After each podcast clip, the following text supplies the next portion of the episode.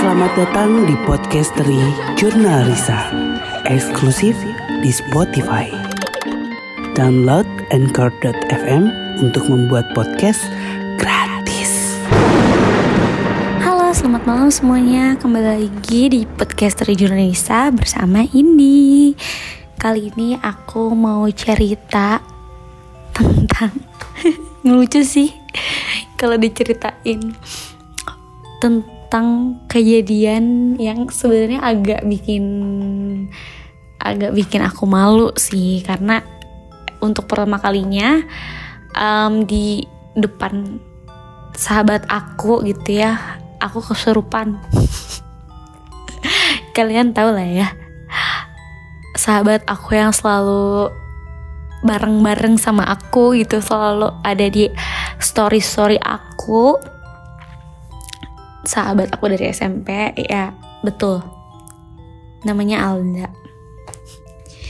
Jadi sebenarnya Alda itu sahabat aku dari awal um, masuk sekolah di SMP 9 gitu. Jadi kita masih berteman pertemanan kita alhamdulillah long lasting sampai hari ini gitu. Dan dia itu uh, orang yang cukup galak tapi dia penakut gitu sama hal-hal yang berbau untuk. Nah pada saat kejadian memang kebetulan dia itu ada di rumah aku. Dan iya ya dan ini kejadiannya di rumah. Dia sering banget main ke rumah aku kayak bisa setiap hari karena jarak jarak rumah aku dan rumah dia itu cukup berdekatan jadi kayak bener-bener kayak besti besti besti gitu kan bisa setiap hari ketemu nah kebetulan pada hari itu Aku lupa hari apa yang jelas hari itu memang kita sudah janjian di beberapa hari sebelumnya bakalan ketemu untuk main ke salah satu mall kalau nggak salah di siang hari gitu kan. Nah tapi karena pada saat itu uh, aku lagi halangan hari pertama dan pas banget hari mau pergi itu aku dapat di hari H itu aku dapat uh, terus aku kayak sakit banget. Kayak kalian tahu lah ya hari pertama datang bulan bisa bisa sesakit apa gitu perasaannya. Ditambah lagi aku itu punya um, sakit GERD jadi kalau misalkan memang hari pertama halangan itu sakitnya bukan main. Sakit banget sampai nggak bisa apa-apa. Nah hari itu dia udah datang ke rumah. Sekitar jam 2 sore. Dalam keadaan aku lagi meringkuk nahan sakit akibat datang bulan di hari pertama. Lalu um, dia datang ke rumah dia seperti biasa dengan santai dengan perasaan dia yang sudah merasa bagian dari keluarga aku gitu ya. Feels like home gitu kan. Ini nyelonong masuk gitu masuk ke kamar aku. Terus aku kayak lihat oh dia udah udah dateng. Terus kayak dia ayo pergi gitu. Nggak aku bilang kayak nanti nanti sakit banget nggak kuat ini hari pertama. Ah angger angger tuh maksudnya kebiasaan gitu ya.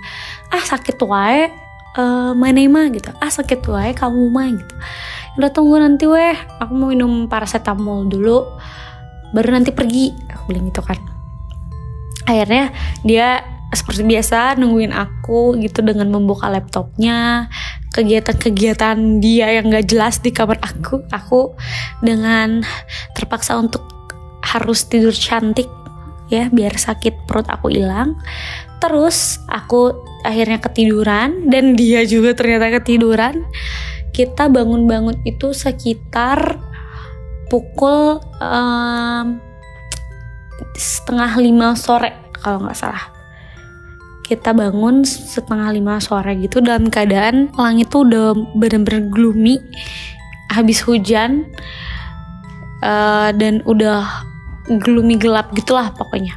Terus kita kebangun. Pas kebangun tuh kita kayak hah mau jadi pergi gitu kan. Enggak deh kayaknya aku bilang gitu. Ya tahu gitu nggak ke sini?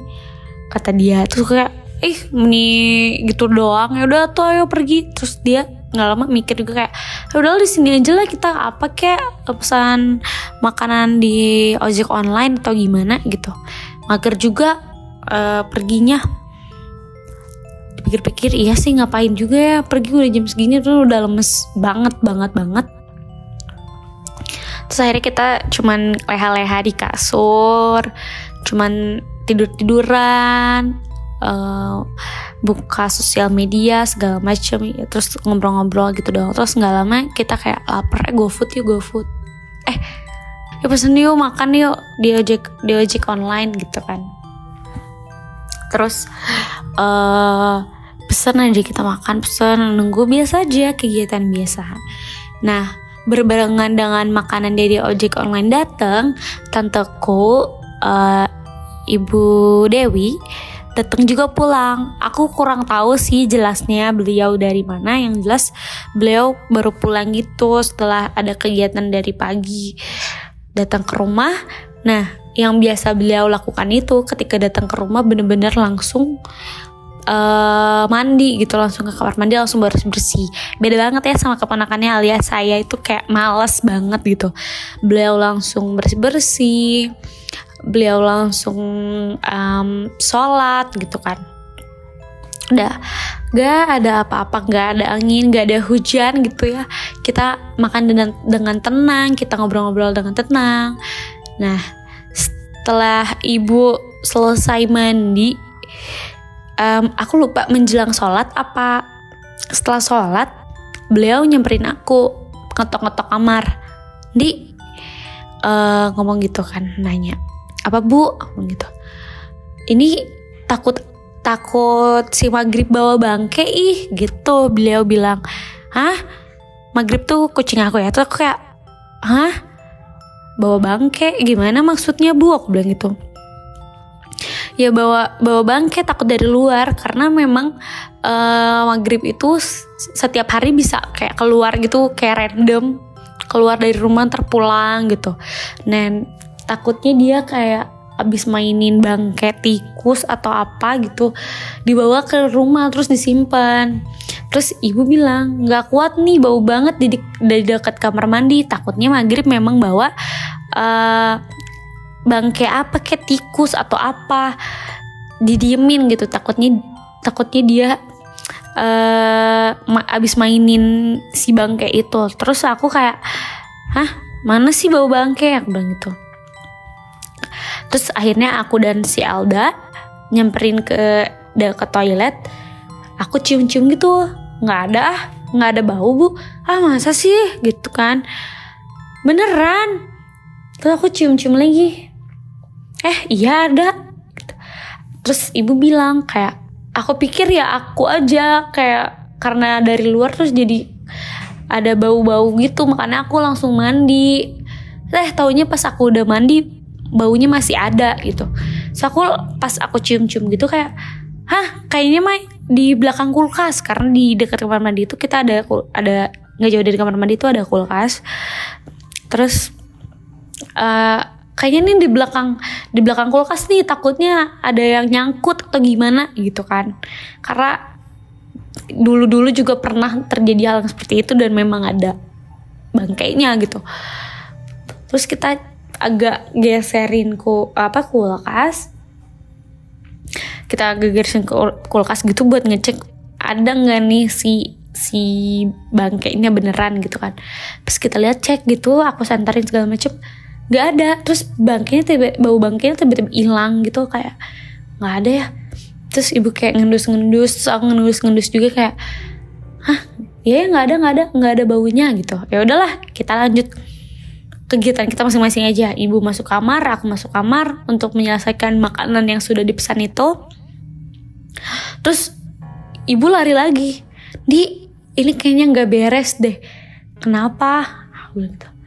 Baunya makin menjadi gitu. Hah masa sih? Terus aku keluar bener-bener kayak hampir se rumah gitu satu ruangan rumah gitu. Bau banget bangke kayak kayak apa ya seliwuran gitu baunya tuh kayak seng seng seng gitu. Wah bu ini bau banget. Terus kita masih positif thinking. Ya udah cek aja di kolong-kolong takutnya beneran maghrib yang bawa gitu. Kita centering kolong segala macam nggak ada juga nihil nggak ada apa pun. Di kamar masing-masing nggak ada juga. Dan nggak mungkin juga nggak sih gitu kalau ada bangke di kamar masing-masing. Terus ibu kayak wah yaudah deh aku mau coba mau coba baca-baca aja deh takutnya ada yang nggak beres. Karena memang setahu aku dan setahu ibu itu kalau misalkan memang ada bau-bau bangke, bau anyir segala macem tapi wujudnya nggak ada gitu kan objek yang sumber baunya nggak ada itu pasti mereka terus aku juga masih kayak ya udahlah nanti aja. Itu waktu menunjukkan pukul 5 sore gitu hampir menjelang maghrib. Terus ibu langsung kayak fix nih ini kayaknya gara-gara aku dari luar. Kalau nggak salah waktu itu ibu dari pasar. Fix fix ini nggak ada yang beres ada yang ngikutin aku kayaknya gitu. Nah di situ juga aku anehnya kita nggak ngelihat keanehan apa gitu yang nempel siapa gitu. Kita bener-bener kayak nggak lihat sama sekali tapi kayak bener-bener bau. Kiri kanan bau makin nyengat makin makin kita cari tahu tuh makin kayak sengaja gitu. Baunya tuh keluar keluar keluar gitu. Terus Ale bilang ih iya bau banget ih. Terus kayak uh, beberapa orang lain yang ada di rumah juga iya bau banget ini bau banget gitu. Akhirnya kita kan di lantai atas itu. Akhirnya kita turun aku ibu um, turun untuk ngadu ke bapak. Kebetulan bapak lagi ada di meja makan juga. Terus ibu ngomong pak uh, iya sapertosna ayah nutu rengse neng mandi neng tuh ibu gitu ya. Neng tadi ibak ayah bau bangke gitu. Terus aku juga ngomong bu ini mah bau banget. Waktu aku ngedeketin ke ibu bener-bener kayak ngedekatin hidung aku ke badannya ibu terus kayak bu bau banget sumpah gitu. Ya kan bau banget. Bener-bener bau sebau sebau itu. Wah udah gak bener ini. Yuk berdoa. Akhirnya aku ibu dan bapak itu berdoa dan bapak juga langsung berdoa gitu ya sesuai. Ya you know bapak gimana ya aku nggak bisa ceritain. Terus bapak bilang uh, nanya gitu neng di mana? Gitu neng dari mana? Di luar pak. Gini gini gini gini gitu. Terus kayak eh ya mah ya ayah kunti juga nama. Terus pas aku ikut berdoa lagi terus aku kayak menjamkan mata tak bener. Terus aku bilang bu ini kunti bu ini kunti. Aku bilang gitu. Ini merinding banget. Terus iya kan iya kan? Gitu ibu bilang gitu. Pas pas lagi berdoa untuk kedua kalinya tiba-tiba badan aku panas banget ya. Kayak gemeter gitu bener-bener panas tiba-tiba aku los aku uh, kesurupan terus kayak katanya aku ngomong ketawa-ketawa terus nangis kayak gitu kayak ya gimana sih kuntilanak. Dan di itu bener-bener satu rumah muter banget bawa bangke sampai ada lalat ijo dua dua ekor yang ngitarin aku ibu dan bapak gitu. Mungkin karena si lalat-lalat itu tahu ada bau bangke entah gimana itu bener-bener langsung ada ada lalat terus kayak keadaan keadaan rumah bener-bener serem banget sampai si Alda yang tadinya diam di kamar aku dia langsung ngibrit lari karena denger suara aku. Katanya yang tiba-tiba nangis dan ketawa tapi bukan benar-benar bukan suara aku. Kayak ke bawah lari gitu kayak ya takut takut gitu. Terus aku kayak ternyata dia tuh pengen ngikut bener-bener kayak menarik gitu. Ketika ngelihat tante aku ditambah lagi ketika ngikut sampai rumah lihat aku dalam keadaan uh, sedang berhalangan uh, haid datang bulan di hari pertama. Mungkin itu yang benar-benar bikin si kuntilanak itu punya power yang super super gede. Sampai aku juga lemes banget ketika dia masuk ke badan aku ketika aku sebenarnya kayak mediasi tapi menurut aku itu bukan mediasi. Kayak aku hampir lost banget gitu. Terus kayak ditanya sama kakak aku dan dia jawab kayak ya saya butuh kayak istilahnya kayak butuh ruang butuh tumpangan butuh butuh tempat untuk dia diem gitu. Ketika lihat tante aku wah ini kayaknya orang bisa mengerti aku. Ya si kuntilanak berpikir seperti itu. Aku bisa nih ngikut dia gitu. Dia bisa bantu aku. Karena emang pada dasarnya ketika kita ketempelan meskipun kita punya gift untuk uh, bisa melihat itu suka nggak tahu gitu suka nggak kelihatan kalau misalkan ada yang ngikutin. Makanya tante aku panik banget karena sebau itu bangke bener-bener bau bangke. Bau bau banget. Itu kayak ada sekali 10 menit lebih aku uh, mediasi gitu sampai akhirnya azan berkumandang tiba-tiba buk! Itu badan aku bener-bener kayak kayak kayak ketonjok gitu. Jadi pas azan kayak Allah Akbar Allahu Akbar tiba-tiba kayak da- badan aku ada yang ngedorong buk buk gitu. Si kuntilanak itu bener-bener keluar gitu dari badan aku buk gitu. Hilang aja. Hah azan ya? Aku bilang gitu. Panas banget telinga aku. Kayak wah bener nih.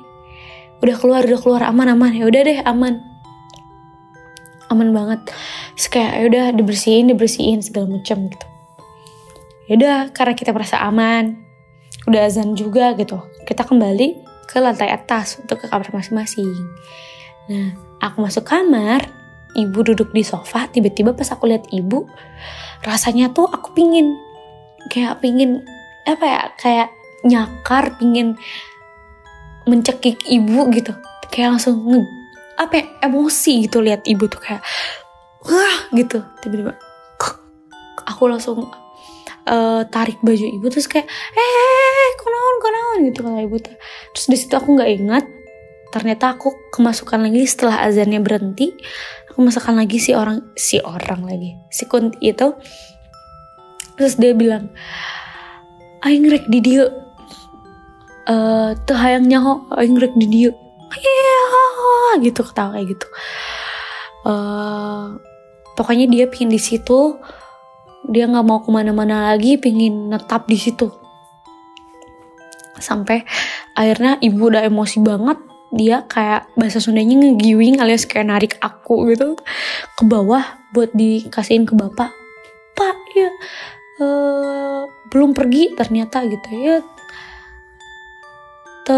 terak-terak cina gitu. Ini nggak kapok-kapok gitu. Terus dipanasin sama bapak pakai al-fatihah tuh aku ngerasanya dia bisa nahan gitu loh. Kayak ah ketawa-ketawa gitu. Dia masih ketawa-ketawa gitu. Terus akhirnya bapak nggak tahu baca apa. Itu bener-bener panas. Kayak badan aku tuh ditindih pipih. Apa ya? Eh kayak besi di pipihin gitu. Bener-bener panas. Ah, terus ibu juga kayak ngalungin aku nutupin aku badan aku pakai mukena itu bener-bener kayak gosong badan aku pra, kayak gosong gitu badan aku tuh kayak panas gitu panas panas panas panas. Akhirnya kayak pergi karena nggak kuat udah nggak bisa nahan. Oh telinga aku kayak ditekan gitu ubun-ubun ditekan segala macam ah itu lemes banget semuanya kayak tegang di rumah itu. Akhirnya si kuntilanak itu pergi.